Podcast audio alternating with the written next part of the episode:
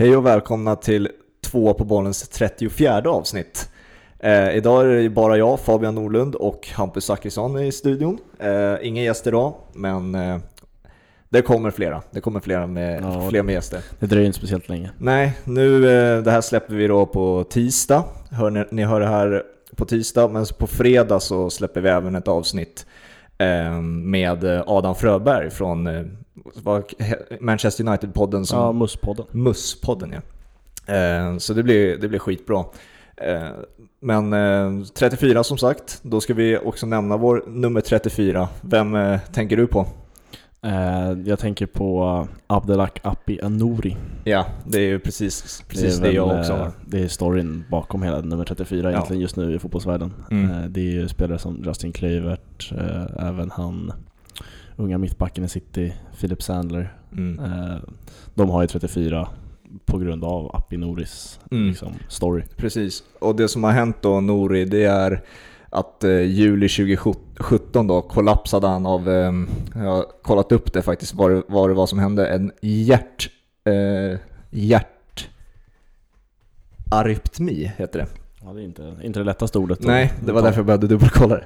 Eh, det, är, det är typ en värre, värre variant på hjärtklappning typ. Och eh, det kan leda till att då man tar en skada på hjärnan som det, det, det hände i det är här fallet. Han, eh, fick en, han har fått en permanent hjärnskada av det. Och det hände under en match i juli 2017 mot Werder Bremen. Och sen dess då, eller han kommer, kommer inte få kunna spela fotboll någonsin igen. Nej. Och eh, han vaknade ur sin koma då som han hamnade i för ungefär ett år sedan nu. Men eh, har fortfarande svårt med kommunikation och sånt där eh, som det verkar. Men som du var inne på då har ju flera då bytt nummer till 34 som då var eh, eh, Noris eh, nummer, nummer 34. Och då bland annat eh, Patrik Klöiverts son Justin Klöivert i Roma. Yes. Eh, så det är en sorglig historia men det är, det är fina hyllningar som man fortfarande ser än idag, även fast det hände för nästan tre år sedan. Ja, verkligen. Och Nouri var ju en extremt lovande spelare. Eh, Även om, alltså, det är tragiskt i vilket fall, men han var ju också en spelare som verkligen hade framtiden framför sig. Mm. Ja, han Så- sägs ju vara den, ha varit den bästa Ajax-talangen. Ja, exakt. Eh, Så att, nej, väldigt, väldigt tragisk historia. Eh, Men som sagt, fina hyllningar. Och vi ja, väljer väl att hylla honom i det här avsnittet då. Yes. tanke på att det är just 34. Mm, han får symbolisera två på bollens 34 och i det här avsnittet då ska vi gå igenom det som har varit i helgen. Eh, El Clasico har varit, även eh, en cupfinal, men så dessutom har det ju hänt det, det sjuka att Liverpool har faktiskt förlorat en Ja, fotbollsmatch i Premier League. Det får vi ta tag i. det ska vi gå in på eh, i det här avsnittet, så häng med. Vi, vi startar i, ehm, på, i Spanien, El Clasico. Vi hade ju Marcus Bring. helgen. Ja, precis. Vi hade ju Marcus Bring och hade honom som gäst och vi gick igenom ganska mycket egentligen Real Madrid, Barcelona, generellt spansk fotboll. Så eh, om ni inte har lyssnat på det så gå gärna in och lyssna där. Där får ni en mer klar summering över eh, hur, hur det ligger till för lagen idag. Men eh, vi ska ju gå igenom matchen i sin helhet. Eh, först och främst, vad tyckte du om matchen? El Clasico slutar 2-0 till Real. Ja, det tycker jag är väldigt stor skillnad på de båda halvlekarna. Eh, första halvlek var det var jävligt grisigt och sen också slående hur dålig kvalitet det var i sista tredjedelen. Ja. Eh, något man är väldigt van med att det är bra kvalitet i det här mötet. Mm. Framförallt i och med att vi har haft Messi och Ronaldo ja, i sin peak, de är väl alltid i sin peak. Eh, I varenda möte, fram till de senaste två egentligen. Eller ja, även förra året då. Ja. Eh, Men det är just nu, de här två senaste klassikerna som blivit verkligen slående hur dålig kvaliteten är i sista tredjedelen. Mm. Och eh, Vinicius Junior framförallt symboliserar det i första halvlek. Ja. Eh, Men han får ju hänga dit den till slut. Ja, eh, vet ni riktigt var man ska börja i? Jag tror majoriteten får egentligen handla om Barcelona egentligen, eh, får vara snacket efter eftersom att man visste ungefär att Real är ett ganska bra fotbollslag förutom fram till sista tredjedelen som du säger. Men Barcelona finns det ju mer problem än bara det. Ja, Real Madrid gillar ju när det blir lite, lite grisigt och Ja. alltså så här, Real Madrid har ju blivit mer, alltså mer av ett engelskt gäng på det sättet. De hatar inte när matchen blir stökig och det smäller på mitten sådär. Mm. De är väldigt starka i de duellerna och jag tycker de fick matchen dit i, i andra halvlek mer. Första Mm. halvlek var de ganska bakåtlutande. Mm. Eh, och det var även, även någonting de snackade om i simor studion att så där kan inte Real Madrid spela på hemmaplan. Nej. Men Zidane visar igen att han är en väldigt bra matchcoach och lyckas vinna matchen. Mm. Ska vi beskriva det att Barcelona är dåliga? Är det, är det den slutsatsen man får dra efter den här matchen? Alltså i den här matchen så tycker jag inte allt de kommer upp i någon nivå. Eh, och eh, man pratar gärna om Messi när han inte är bra. För Mm. att han är annars så fantastisk. Eh, och nej, han försvann ju totalt i den här matchen. Mm. Eh, och det var ingen annan som kom upp i nivå heller som kunde liksom understödja Messi. Och det är väl ett av de problemen man ofta lyfter med Barcelona. Att är inte Messi där så vem är det som ska leverera? Mm.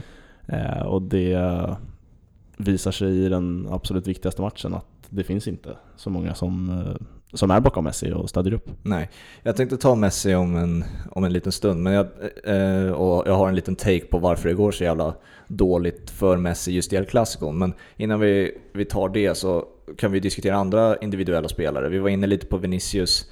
Eh, alltså medierna har ju förstorat det här lite att han hade, att, i, i och med målet att han hade en bra match. Det hade han ju inte. Han hade en ganska alltså, dålig match. Jag var nästan till förbannad på honom i första halvlek. Ja. Alltså, jag fattar inte hur man kan, alltså så här, hur, hur kan man ha så dålig slutprodukt? Eh, och det är, alltså, en slutprodukt blir ju bra om bollen går i mål. Ja. Man kan inte sitta här och diskutera att Vinicius tar ett dåligt avslut, men det går inte i mål om den inte tar på Piqué. Nej, Eh, och det var Piqué den tog på. det var Piqué. Ja. Eh, så att nej, han saknar ju väldigt mycket, men han är väldigt ung. Så Mm. han har många år att lära sig och få göra ett mål i El Clasico kan ju ge en skjuts och självförtroende Mm. till att utveckla den där slutprodukten. Den yngsta målskytten i El Clasicos historia. Eh, blev... Eh, tidigare var det Messi, var också 19 och några hundra år eh, gammal. Men nu var Vinicius, han var ännu yngre nu när han Ja, satte exakt. den här bollen. Eh, ska, gjorde ju även eh, ganska mäktiga scener tycker jag ändå, att han gör Ronaldo-målgesten med Ronaldo på läktaren som tittar. Ja, jag tycker det var kul att Ronaldo var där. Mm. Eh, visade ändå hans kärlek till Real Madrid. Och en, en, enligt en intervju då med eh, Vinicius efter matchen så gick han in i halv, halvtid till omklädningsrummet, i, eh, till Real Madrids omklädningsrum, Ronaldo. Och eh, gav ett så motiverande tal och så. Så Mm. det var liksom anledningen till varför han gjorde just den målgesten också. Ja.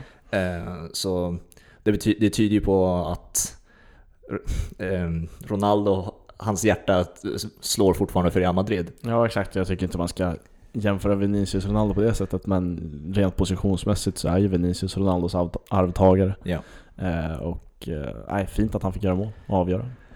Andra individuella spelare då som jag vill ta upp. Antoine Griezmann.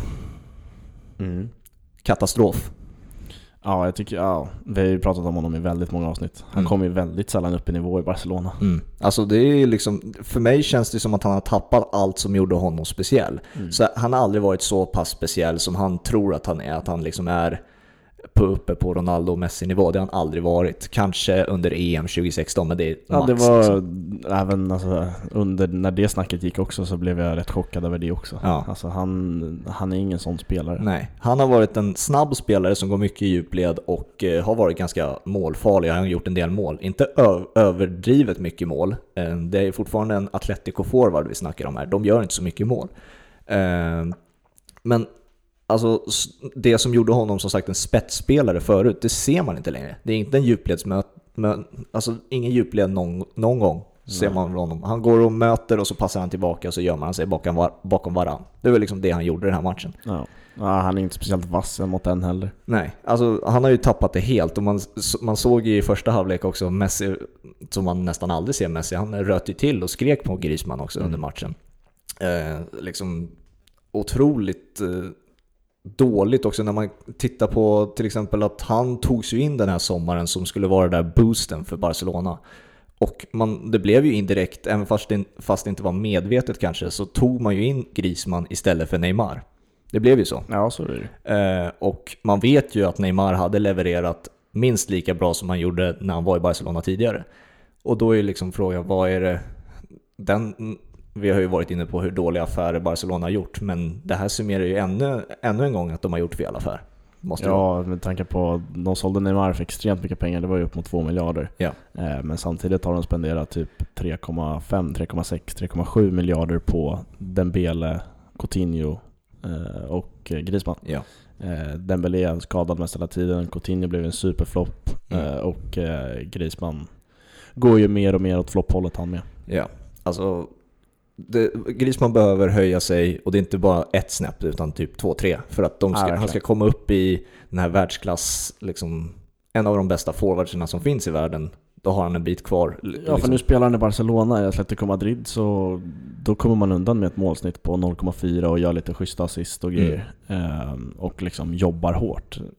Så här, jobba hårt i Barcelona, ja, jag tror alla spelare jobbar hårt på en Mm. fotbollsplan, men det är ett helt annat jobb som behöver läggas ner. Eh, inte alls det där liksom defensiva krigandet som är i Atletico Madrid och då behöver man göra mål istället. Exakt. Eh, en annan eh, individuell spelare, Piqué, som blir, om ni följer oss på Instagram bland annat, två par bollen där, eh, ber vi er alla som lyssnar att följa. Där har vi redan lagt ut över clownen Piqué. Förlorade på planen, förlorar också i media. Eh, väljer att gå ut direkt efter matchen och säga att det är det sämsta Real Madrid han någonsin mött. Och det säger han efter de har torskat med 2-0 och eh, har även varit inblandad i att styra in 1-0 målet. Jag vet inte eh, vad han, riktigt, vad han förväntas få för respons av media och fans när han säger någonting sånt. Det är ju ingenting som gynnar Barcelona eller tar Real Madrid alltså på något sätt eh, hårt på dem. Det gör det Nej, inte. alltså om man ska ta citatet ordagrant så var det att det var det sämsta Real Madrid han mött på Bernabéu i första halvlek. Okej, Eh, ja. Men det är fortfarande han är inne på att Real Madrid är det sämsta han har sett. Det är där han är inne på. Mm. Eh, Och det kan man inte säga när man har torskat. Joshua Kimmich sa samma sak förra året när de torskade mot eh, Real Madrid. Mm. Eh, Kimmich i Bayern München. Att det var det sämsta Madrid han har mött. Mm. Ja. Alltså så det, som du säger, det är inget som tar på Real Madrid. Det, det liksom bara adderar ju bensin till elden och festen. Liksom. Mm. Det blir bara en bättre fest med Pikés ord. Ja. Eh, så nej, jag fattar inte. Det är klart att han är bitter, men han är alltså, en av de mest media vältränade, alltså medietränade spelarna. Måste han ju vara. Han borde vara alla Med tanke på han borde vara liksom kapten, eh, kaptensfigur i eh, Barcelona. Mm. Och sen gå ut och säga en sån sak. Det är, det är oförståeligt. Ja, det är det- extremt märkligt. Det men han lyckas alltid på något han är, han är en clown tycker jag i media. För att han, han på något sätt så framstår han alltid som arrogant eller i både förlust och vinst. Det liksom spelar liksom ingen roll vad, vad han eh, gör efter match. Det blir alltid fel för att om det inte är en förlust som i det här fallet och han går ut och är bitter över det så går han ut i en vinst och är, alltså, säger att Ja, men är Alltså, odräglig liksom. Ja men viftar med fem fingrar liksom, 5-0 blev det till oss liksom. Det är ju en känd bild liksom. Och så, det vet man ju, det kommer ju, det kommer ju komma tillbaka. Alltså, ni, ni kommer torska med 5-0 någon gång också. Det är lite samma beteende som eh, Mourinho. Ja. Som det inte alls, alltså så här, jag, jag hatar det fullständigt när han liksom har torskat en match men han ska upp och vifta hur många titlar han har tagit. Ja. Och det, det handlar inte om vad han har gjort i, i sin tidigare karriär. Mm. Eh, det handlar ju om här och nu och idag, eller igår torskade de med 2-0 på Bernabéu. Ja. Så då kan man inte gå ut och snacka om någonting annat. Och att de var så dåliga, ja men då var ju Barca sämst. Liksom. Mm. Alltså, då, så är det ju. Mm. Eh, Jag tycker Real Madrid är välförtjänta vinnare, så att det var inte heller så att det var det rån Nej, eh, nej. på det sättet. Så Nej, Real Madrid förtjänade att vinna den här matchen. Ja. Det är ingen snack om saken. Det såg alla som spelade också. Bara för att eh, Barcelona spel, spelar och passar bollen mer än vad Real Madrid gör betyder inte det att du är bättre. Och det kanske vi kan, det blir en bra, ett, ett annan, en annan punkt eh, jag vill prata om. Eh, Sant Etienne och han... Sankt Etienne. Vad ska jag Det blir, det, blir ofta, det blir ofta när man säger För mig blir det Eller. Sätt igen, det blir så Sankt Etienne. Sätt igen. Så. Eh, och hans envishet över att all, inte förändra och det ska alltid spelas 700 till 1000 passningar. Jag var inne på det här i förra avsnittet. Eh, det är inte bara tråkigt utan det är jävligt oeffektivt. Eh, den här envisheten att kortpassningar ska på något sätt leda till en målchans. Och jag har aldrig sett ett Barcelona i ett El Clasico så ofarligt. Och han förändrar ingenting heller. Det känns som att det är peak Wenger-era i Arsenal när, han, när man skämtade om honom hela tiden. Att man ska passa och ingenting annat eh, gäller.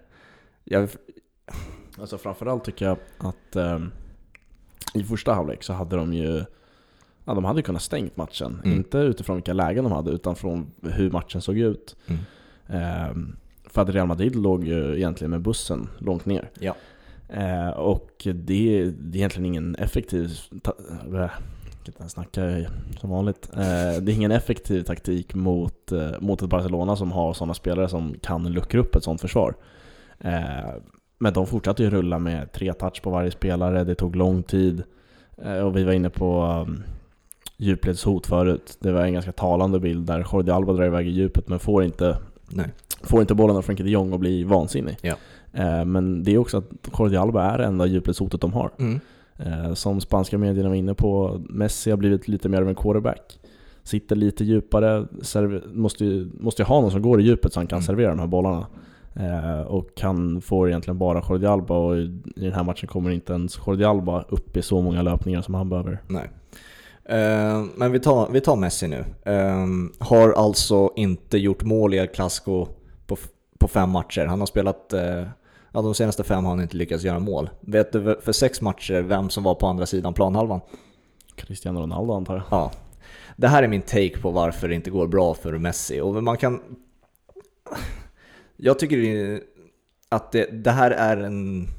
Det är inte allt, det är inte den avgörande grejen. För att Messi är ju såklart en självständig människa, en självständig spelare. Och han gör ju mål om Ronaldo inte är på plan när de möter Eibar liksom. Så är det ju. Men det, det hände någonting i de där klassikerna när, man, när Messi och Ronaldo var på samma plan. Det, liksom, det krävdes något, man visste att de spelarna tänkte nu krävs det för mig att göra någonting extra för att jag fortfarande ska ses som världens bästa fotbollsspelare. Det var så de tog matchen, så allvarligt de tog matchen. Och det finns ju en match som jag tittade tillbaks på nu efter det här eh, klassikot. Jag ville liksom jämföra eh, det här klassikot med när jag ansåg att La Liga och El Clasico var liksom det bästa i världen. Eh, och jag var inne på det i förra avsnittet också. Det var ju 2012 där det verkligen pikade. När Mourinho och Pep var tränare, Ronaldo och Messi var i sin, enligt mig, peak då. Ja. Eh, Det är en match i 2012 i september. Eh, Barcelona leder La Liga med ungefär 8 poäng och eh, Ronaldo och Messi startar. Eh, Och Ronaldo gör mål tidigt. Det blir 1-0 i typ 15 minuten.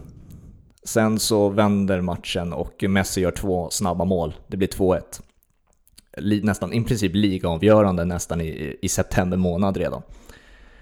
Och ja, båda var ju alltså, glödheta hela matchen, Messi och Ronaldo. Man, man såg hur viktig matchen var för dem individuellt sett också. Sen så kommer en situation där Ronaldo försöker på ett spektakulärt mål genom att göra, försöka göra en bicicleta i andra halvlek eh, efter, på en hörna. Eh, missar bollen och landar på sin arm och eh, han, eh, han drar axeln ur led. Och man ser ju direkt att det här kommer inte gå att fortsätta spela liksom. Han kan, kan inte resa sig upp själv, han behöver hjälp. Han, varje gång han roterar armen, alltså, och när han löper, han kan inte ta ett löpsteg utan att han får ont i armen. Han kan inte röra armen. Alla spelare i det, i det fallet hade nog gått av. Men Ronaldo gick inte av. Han sa, han sa ju till läkarteamet, jag går fan inte av, ni byter inte ut mig. Tio minuter senare så gör han mål, 2-2. Och det är så matchen slutar också. När man har en sån spelare, alltså det här, nu var det en historia om Ronaldo, men när, jag tror det här påverkar Messi också. När du ser en spelare gå, gå igenom så här en rejäl skada och lider igenom en match bara för att slå dig individuellt. Det gör ju någonting med dig individuellt också. Du vill ju slå honom tillbaka. Ja. Du vill vara bättre än honom. Och den, den här faktorn finns inte i de här matcherna längre. Det finns inte duellen i duellen, matchen i matchen. Och jag tror det på riktigt påverkar Messi. För att då krävde ju de bollen i varenda situation. Alltså, ge mig bollen, nu ska jag göra någonting magiskt. Nu ska jag göra Messi-grejer, nu ska jag göra, nu ska jag göra Ronaldo-grejer. Men i den här matchen ser man Messi mest gå bredvid Ramos och vänta på att bollen ska komma. Och jag tror, det är inte Setiens plan liksom, att eh, Messi ska vänta där uppe. Jag tror, det är ju ett individuellt val av Messi att vänta in bollen. Ja. Och- Eh, hade, hade de varit smarta i Barsas eh, stab eller någonting så hade de ju luskat, luskat reda på att Ronaldo var på plats. eh, och liksom varit ty, tydliga med det att eh, Ronaldo är på plats idag igen. Ja. Eh, Det hade ju räckt för att Messi skulle tända till lite extra. Antagligen. Nej, alltså jag tror det verkligen ligger någonting i det du är inne på att eh, det var en speciell match i matchen som Mm. gjorde att de här spelarna tände till extra. Mm. Eh, och det är ju två spelare som älskar de stora, stora matcherna. Mm. Ehm, och Messi har inte kommit upp i, upp i nivå de två senaste, eh, framförallt. Och sen har han inte gjort mål i de fem senaste, eller vad du sa. Nej, exakt. Fem. Ehm, så att, nej, det är spännande. Och sen, alltså, så här, som jag är inne på förut, nu, ja, Messi är dålig här, var femtonde match kanske. Mm. Eh, och då måste någon annan kliva fram. Eh, och tyvärr finns ju inte den spelaren just nu i Barcelona. Nej. Det är för mycket skador. Eh, Martin Braithwaite är absolut inte den spelaren. Eh, Griezmann hade man kunnat tro är den spelaren, har vi varit inne på att han inte är. Nej. Så att, eh, bredden i Barcelona är ju ändå svag får jag säga. Mm.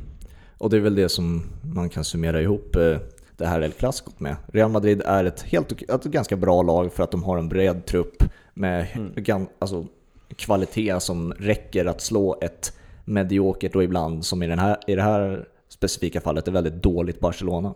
Ja. Eh, Så har du någonting mer att tillägga från El Clasico? Ja, bara en kärleksförklaring till eh, Federico Valverde. Ja, han fick Det- matchens lirare. Ja, optimala mittfältaren. Han är helt otroligt bra. Eh, Och jag tror, jag tror ju tyvärr att han kommer liksom komma sig ihåg typ som en Goti. Mm. Goti är ingen spelare man snackar om, men när man tittar på highlightsen på Goti, herregud vilken mittfältare. Eh, och Valverde är ju, han är ju en blandning av Vira, Makelele, Kanté, Modric, alltså han har ju allt. Ja. Eh, sen är han inte fulländad än. Nej. Men alltså, herregud vad bra den killen är och Mm. han kommer, han kommer benämnas som en av de bästa mittfältarna i världen om bara några år. Mm. Ja, absolut. Så är det ju. För han startar ju nu framför en Modric liksom. Ja, jag tycker han är bidragande orsak till att Real Madrid vinner mittfältet också. Mm. Han och, och sen också Casemiro. Mm. Eh, Ja, han, han tyckte jag var matchens lirare, men jag fattar Valverde. Men Casemiro, det, han tog inte ett steg fel alltså. Nej exakt, och Casemiro också går in i den här klassiska, eller klassiko-andan liksom. Han är Mm. lite grisig och spelar lite på gränsen. Och det måste man göra och där slår han ju Busquets liksom Ja. varje, varje dag. Mm. Eh, för att eh, Busquets måste, bli, måste gå tillbaka till att vara lite mer grisig tycker jag. Eller bara Eh. sluta och ge Frankie de Jong sin vanliga position. Ja, exakt. Eh, Casemiro och Valverde, otroliga matcher. Jag tycker att de är framförallt eh, huvudorsaken till att Real Madrid vinner den här matchen. Ja. Då går vi vidare till ehm, Liverpool och eh, den första förlusten på ett år och två månader. 44 matcher har gått i Premier League sedan Liverpool torskade en match senast. Men nu har det hänt mot Watford eh, borta. Ja, dina reaktioner? Ärliga reaktioner? Ja, pinsamt på alla sätt och vis på det sättet det sker. Eh, man hade ju sett det här komma ett tag, det får man ändå säga. Mm. Men jag såg det inte komma borta mot Watford, det kan jag inte påstå. Eh, men jag tror... Alltså så här, fans som spelare har blivit lite...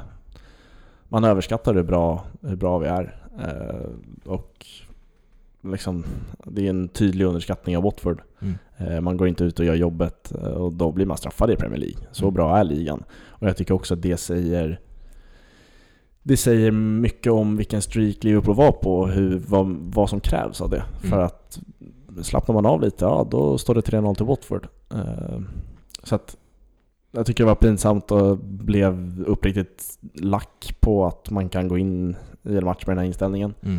Eh, Det var mina reaktioner direkt efter. Sen följde man liksom Twitter-reaktionerna där Arsenal-fansen firade. Då kände man att ah, ja, det, det känns ändå lugnt. Eh, liksom. Ja, jag kan ju säga det första gången nu, så att Liverpool kommer vinna Premier League. Mm. Så, alltså, så här, det är så. Vi är där boys! Ja. Eh, And girls!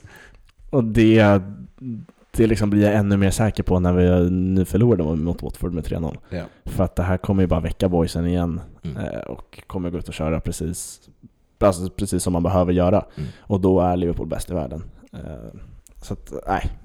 Just nu känner jag ingen, ingen speciellt. Liksom. Det var 3-0 mot Watford, ser fram emot FA-cupen och Mm. att säkra den där jävla titeln om eh, fyra, fem matcher eller vad, vad det kan bli. Mm. Men eh, jag tycker det var trist att se att det liksom hade smugit in sig så mycket av den här säkerheten och eh, underskattningen. Mm. Nej men det krävs fyra matcher att vinna Premier League va? Ja, alltså just nu tror jag det är Etihad borta Mm. Och det är ju extremt spännande om Ja. det kan vara den matchen som man kan säkra titeln på. Okej, fan vad kul. Eh, så fyra matcher till vinst och du var inne på Arsenal eh, och deras fans firade ju just på grund av den här Invincible Season. Ja.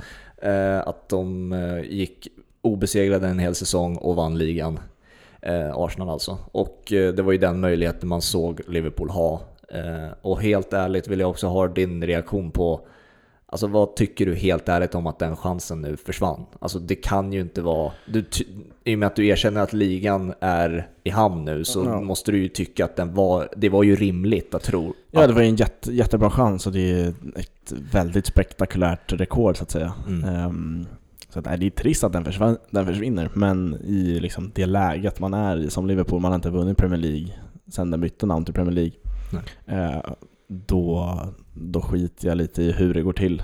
Eh, Mm. Självklart, det var det är nog den bästa chansen man kanske får som ja, under min livstid att gå Invincibles. Ja. För att de, de chanserna kommer inte så många gånger så det är trist att det händer mot just Watford eh, på det sättet. Alltså Ja. hade City slagit oss med klass eller typ Arsenal i omgång 36 att Mm. de verkligen gick in för att det här är årets match och Mm. då slår oss av liksom ren kampvilja. Ja. Då hade man kunnat kanske acceptera på ett annat sätt. Eh, samtidigt så ser jag också det ljusa i det. Skönt att de här, det här rekordsnacket är borta. Mm. Nu, eh, nu kan man foka och eh, ibland ställa över spelare i ligan för att det finns inget jättespeciellt rekord. Det finns ju ett poängrekord att jaga. Mm. Ehm, så att, nej, trist. Bra chans att ta det här rekordet. Nu blir det inte så fokus på Champions League Mm. och eh, då går den här ligan i hamn. Du var ju inne på att de har, Liverpool har varit i dålig form nu i ja, ett tag i alla fall.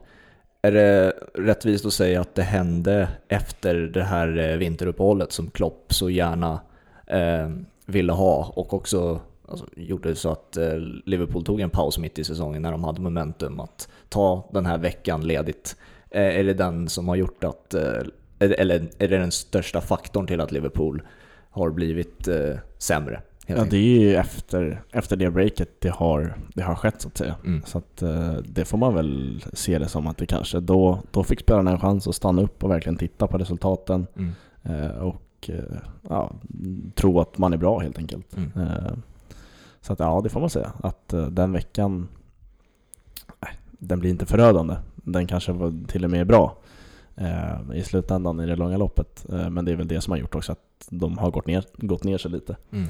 Mm. Ehm, Men sen ska man komma ihåg att liksom torska, torska en Premier League-match är ju bara normalt. Ja.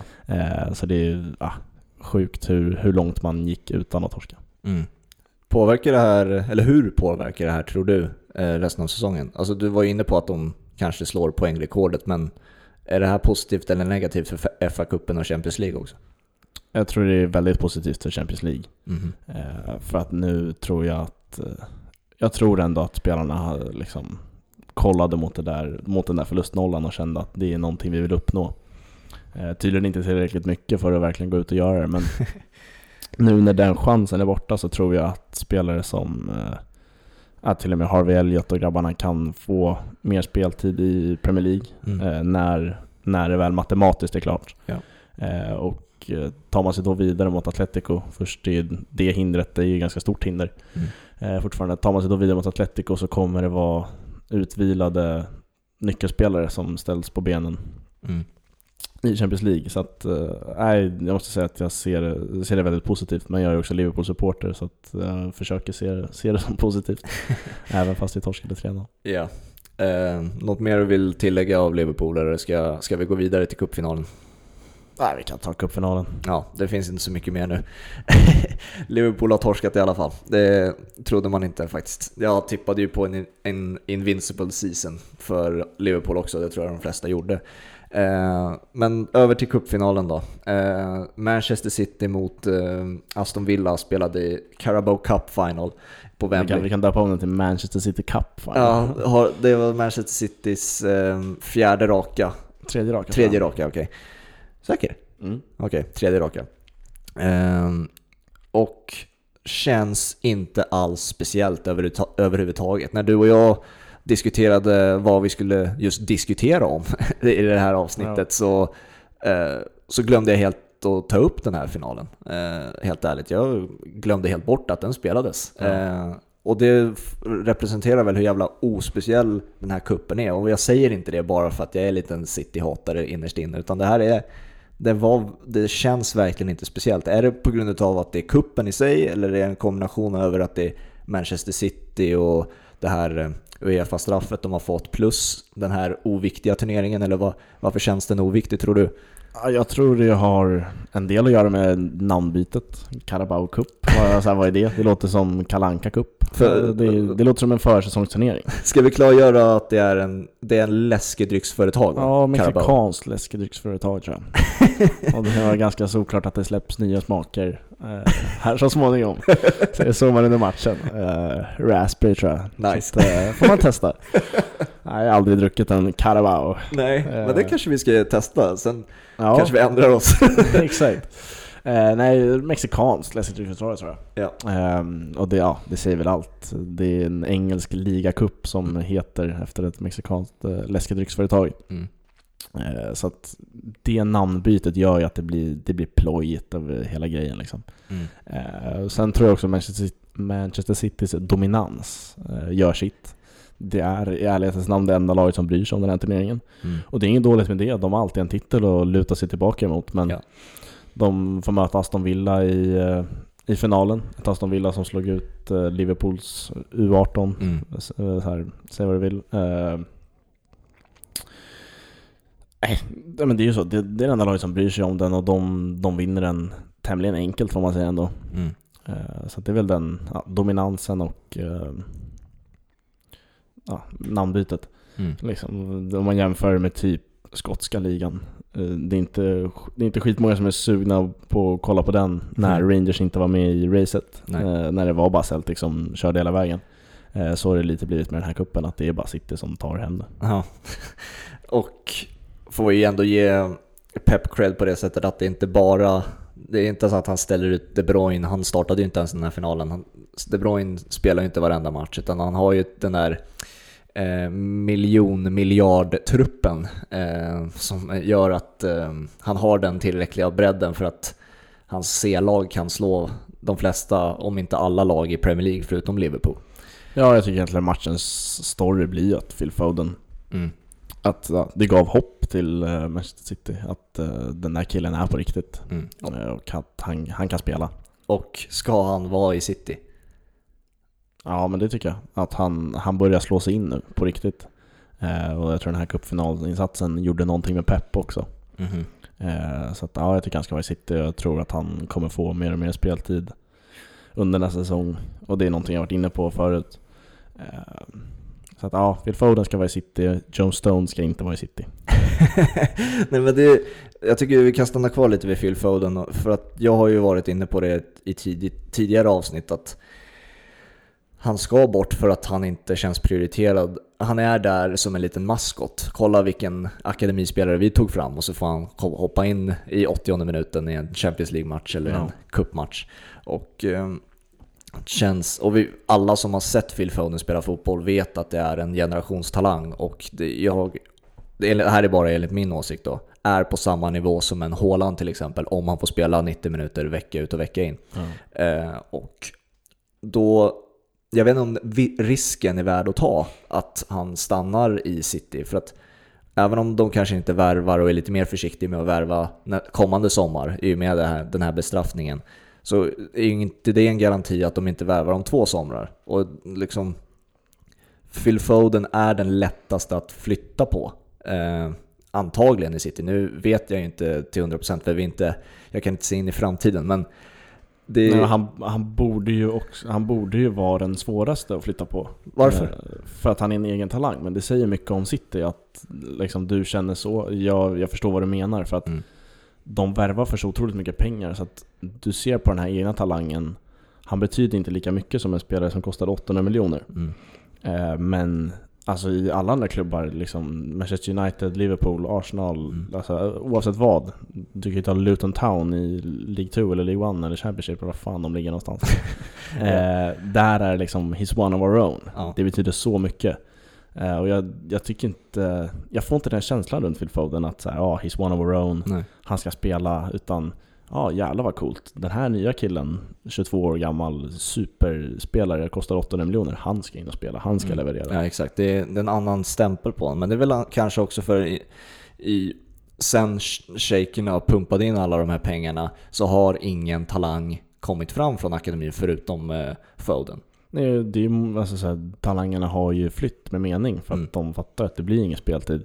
Sancho Så- är den största ju. Ja, Sancho är största. Så det är ju liksom cred till Foden att han har stannat där och nu, nu ser också en väg in för honom. Mm. Eh, Och han kanske till och med skulle må bra av att de blir avstängda från Champions League-spel. Mm. Eh, Även om han är tillräckligt bra för att spela Champions League så tror jag att det skulle leda till att han blir ja, mer av en bärande spelare. Mm.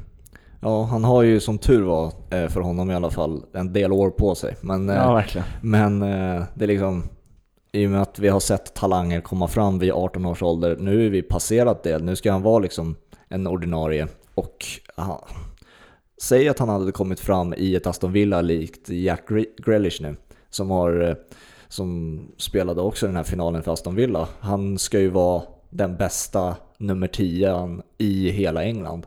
Och han ska ju tas med i ett EM. Ja. Phil Foden är inte ens med i den diskussionen. Nej, Jag såg lite rop igår på Twitter om att han kan bli en joker till EM-truppen. Där tycker jag man ska dra lite i handbromsen. Mm. Eh, för att i ett EM ska det levereras på 3, 4, 5, 6 matcher. Skulle kunna göra det, men det finns ju ingen garanti på det för att vi inte sett det. Nej exakt, och han har inte tillräckligt mycket speltid så då, då tycker jag man ska ta med Grealish och mm, Madison. Mm. Och kanske en joker som har fått spela fotboll i, i ett sämre lag. Eh, ja, nej, han, han är fantastisk, eh, Phil Foden i alla fall. Mm. Och framförallt i den här cupfinalen, jag tror han blev man of the match också. Mm. Så vi får se, det är ju en fråga som vi håller öppen, får vi se inför nästa säsong, hur mycket speltid han faktiskt får Ja. i, i framförallt Premier League. Jag skiter i cup. Ja, Spel, alltså liksom. cupspelet har han fått spela ganska mycket i. Ja. Eh, så det är nu Premier League han ska börja slå sig in i. ja.